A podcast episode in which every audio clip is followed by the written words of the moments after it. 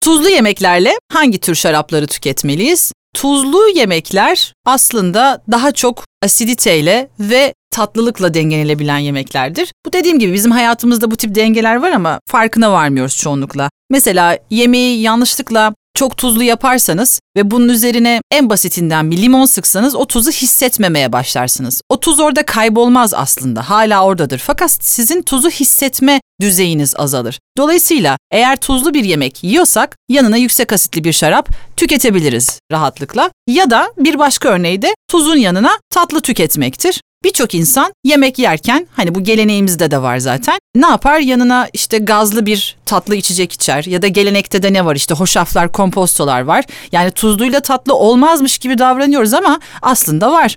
Yani beyaz peynir kavun da aslında bir tuzlu tatlı dengesidir. Dolayısıyla tuzlu bir yemek yerken e, yanına pekala tatlı bir şarap da tüketebilirsiniz.